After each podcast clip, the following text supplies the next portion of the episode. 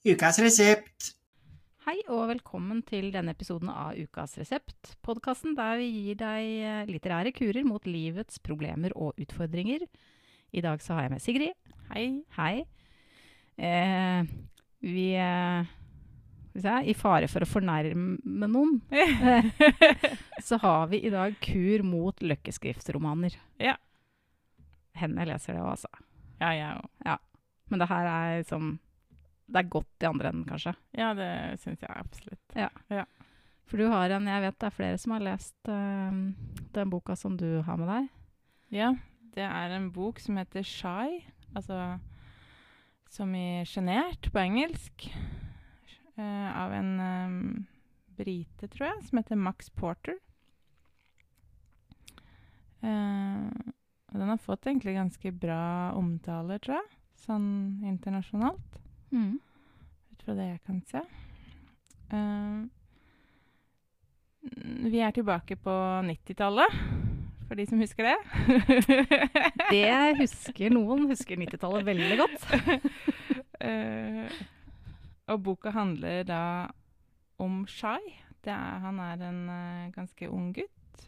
Eller ung mann, eller ja. Sånn jeg vil gjette i sånn i slutten av tenårene et sted. Ja. Det han vil, det er aller helst vil han bare høre på musikk. På kassetter. Ja.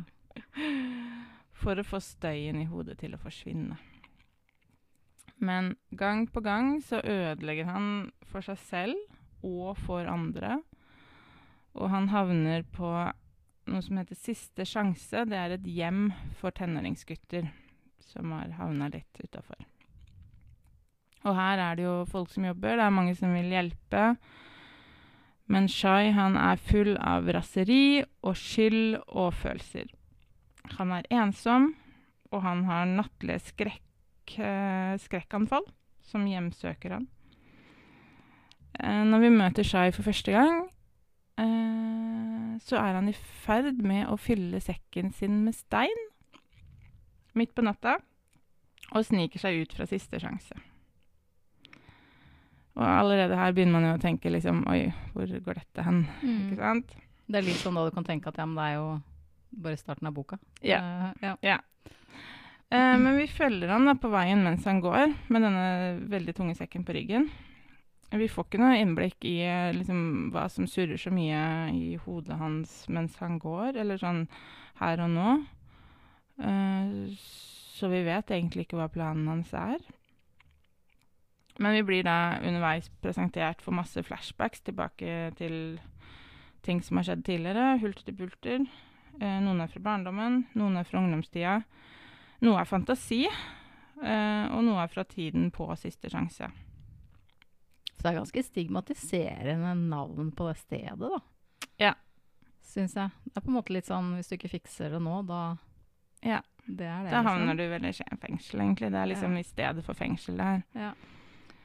Ehm, så det er, det er en historie om en ganske plaga tenåring. Ehm, jeg tror det er noe omsorgssvikt inni bildet her. Mm. Kanskje. Det blir litt sånn hinta litt til det, syns jeg. Uh, og så begynner man jo å tenke liksom, har seg en form for personlighetsforstyrrelse? Det kan jo hende. Uh, men dette her tar ikke forfatteren stilling til i det hele tatt. Men jeg begynner å tenke veldig mye da, av den boka her. Og liksom, åh, hvis man hadde fått noe hjelp, hvis noen hadde prøvd å forstå han, hvis han hadde blitt hjulpet til å forstå seg selv, kanskje, så kunne det jo kanskje vært litt annerledes. Så det er handlingen. Men det er en del mer å si om den boka her, for det er en ganske tynn bok, egentlig. Men jeg brukte lang tid på å lese den. For den er ordentlig krevende, syns jeg. Ja, for det var ikke jeg klar over, nemlig. Nei, altså historien i seg selv er jo liksom Den er jo ikke munter. Eh, men den, den hopper jo veldig mye frem og tilbake i tid. mm. Eh, for disse flashbacksene kommer jo ikke i kronologisk rekkefølge, liksom. Em, forfatteren bruker forskjellige fonter og størrelse på fonter. Han bruker kursiv, direkte tale f.eks. eh, enkelte steder er teksten veldig stor og går liksom over to sider. Så en, ene lin altså den ene, en setning kan starte på side én og gå over til side to. Ja. Og det er jo greit når det er i et oppslag, men ikke alltid det er det. Så jeg må liksom sitte og bla sida fram og tilbake for å få med meg hva som står. Men syns du har det på en måte en eh, For det er vel en grunn til at det er gjort sånn. Ja, ja, ja. Eh, Og det er en del sider som er uten punktum eller avsnitt. ja. Men det vi skjønner, er at da er vi inne i hodet. I det kaotiske hodet til Shai. ja, for jeg syns hvis, ja, hvis jeg leser noe uten punktum, så blir det ofte veldig, veldig intenst. Ja, for da, da opplever vi den her overveldende tankestrømmen som han Mm. har i hodet sitt. Ja. Og så blir jo dette også For eksempel en gang så er han rusa og snøvler. Ja. Og det, teksten er snøvlete, på en måte. Ja. Eh, dårlig rettskrivning. Og det er ikke lett å lese. Men har det Eh, effekt? Altså, Absolutt.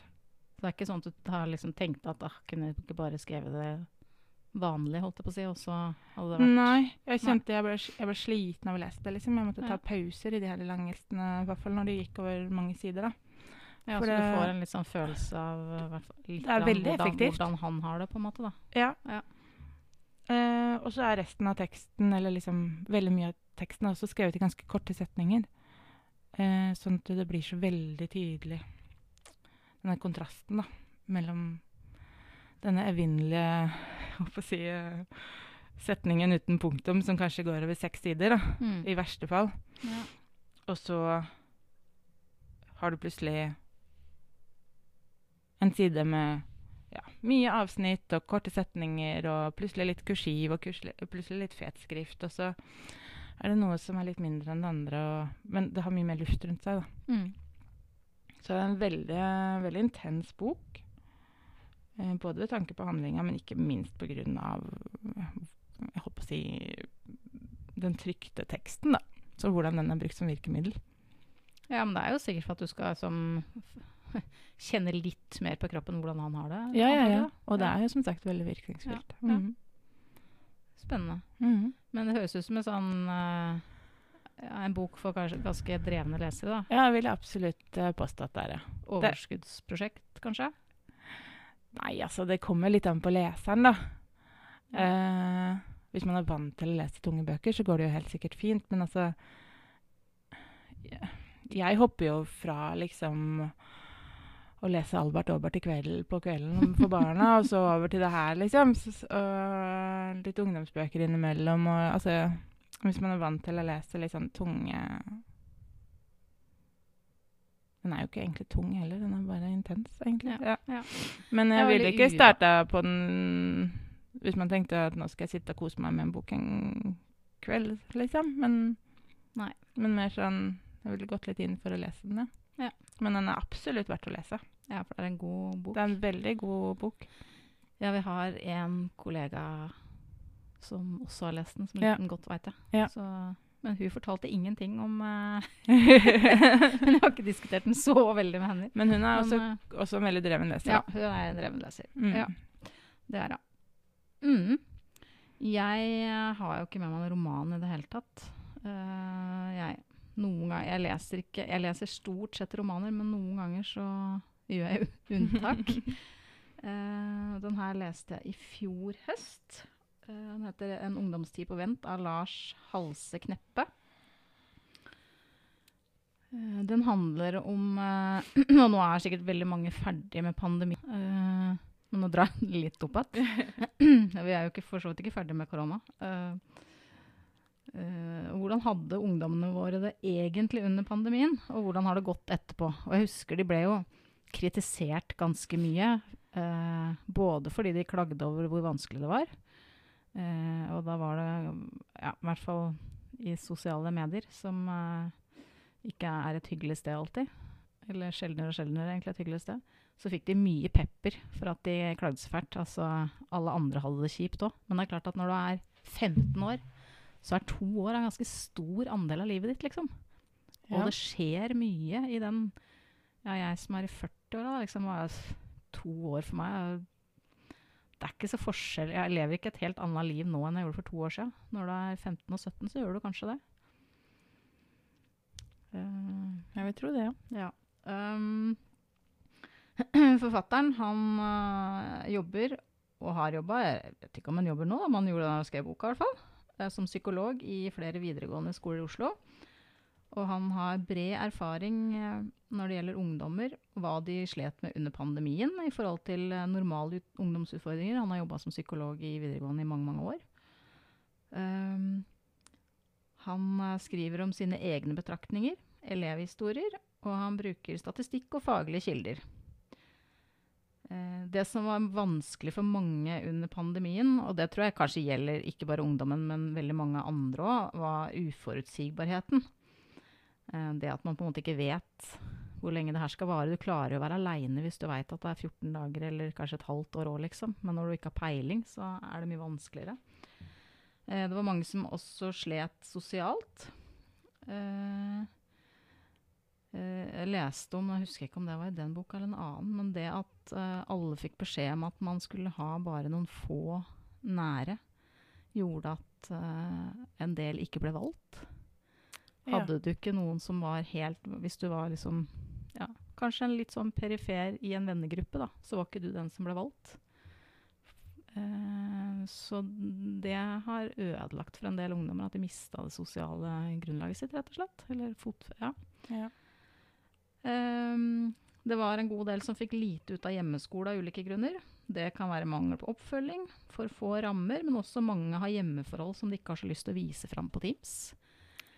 Eh, jeg har hørt om elever som på en måte eneste stedet de kunne være i fred, var på do, men har ikke så innmari lyst til å sitte på Teams med klassa di på do, liksom. Nei. Eh, og kanskje har du ikke så lyst, altså Ja. Eh, og mange trenger å komme seg ut fra hjemmet. At skolen kan jo være et fristed for mange. Eh, hjelpeapparatet var frustrert over mangel på mulighet til å hjelpe, og ingen gang har så mange trengt hjelp, men blitt overlatt til seg sjøl. For hjelpeapparatet fikk jo heller ikke lov å ta inn elever. Det var han veldig frustrert over, at han måtte ha Teams-møter med elever som trengte ja, kanskje noen å grine på skulderen til, ikke sant. Ja. Og så blir det veldig upersonlig når det blir på skjerm, og mange liker ikke skjerm og ønska da trakk seg helt vekk, liksom. Um, det positive er at de fleste har kommet seg ut i andre enden uten varige menn, men dessverre er det også veldig mange som sliter med senvirkninger. F.eks. For eksempel så har antall ungdommer som ikke klarer å komme på skolen, økt. Og jeg mener jeg har lest et sted at det er mellom 30 og 60 000 barn og unge som har bekymringsfullt stort fravær fra skolen. Og det er ekstremt mange ungdommer eller barn. Mm.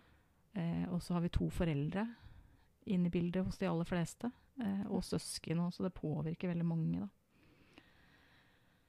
Eh, mange av de såkalt sårbare barna er noen av dem som har kommet dårligst ut. Eh, men også mange ungdommer som f.eks. har sosiale utfordringer eller ingen nære venner før pandemien, sliter mer enn tidligere. Flere opplever ensomhet. Eh, mange var jo veldig opptatt av de sårbare barna, at det var derfor man skulle være på skolen så mye. Eh, men det var jo en del som mente at ungdommer klaga, ja, som jeg sa i stad. Og at eh, det kommer stadig vekk meldinger sant, om ungdommer som lurte seg unna, hadde fester og samla seg i store grupper. Og, eh, men kanskje har det gjort at, sånn i etterpåklokskapens lys, da, at de kom bedre ut i andre enden enn eh, de som ikke gjorde det. Um, den boka bør eh, Jeg syns egentlig ganske mange bør lese den. Særlig kanskje folk som enten har ungdommer eller jobber med ungdommer, eller er, altså, har Mm. kontakt med ungdommer på en eller annen måte. Eh, for å få litt sånn perspektiv og skjønne litt at, eh, at den tida gjorde stort inntrykk på ungdommer. Større kanskje enn på en del voksne.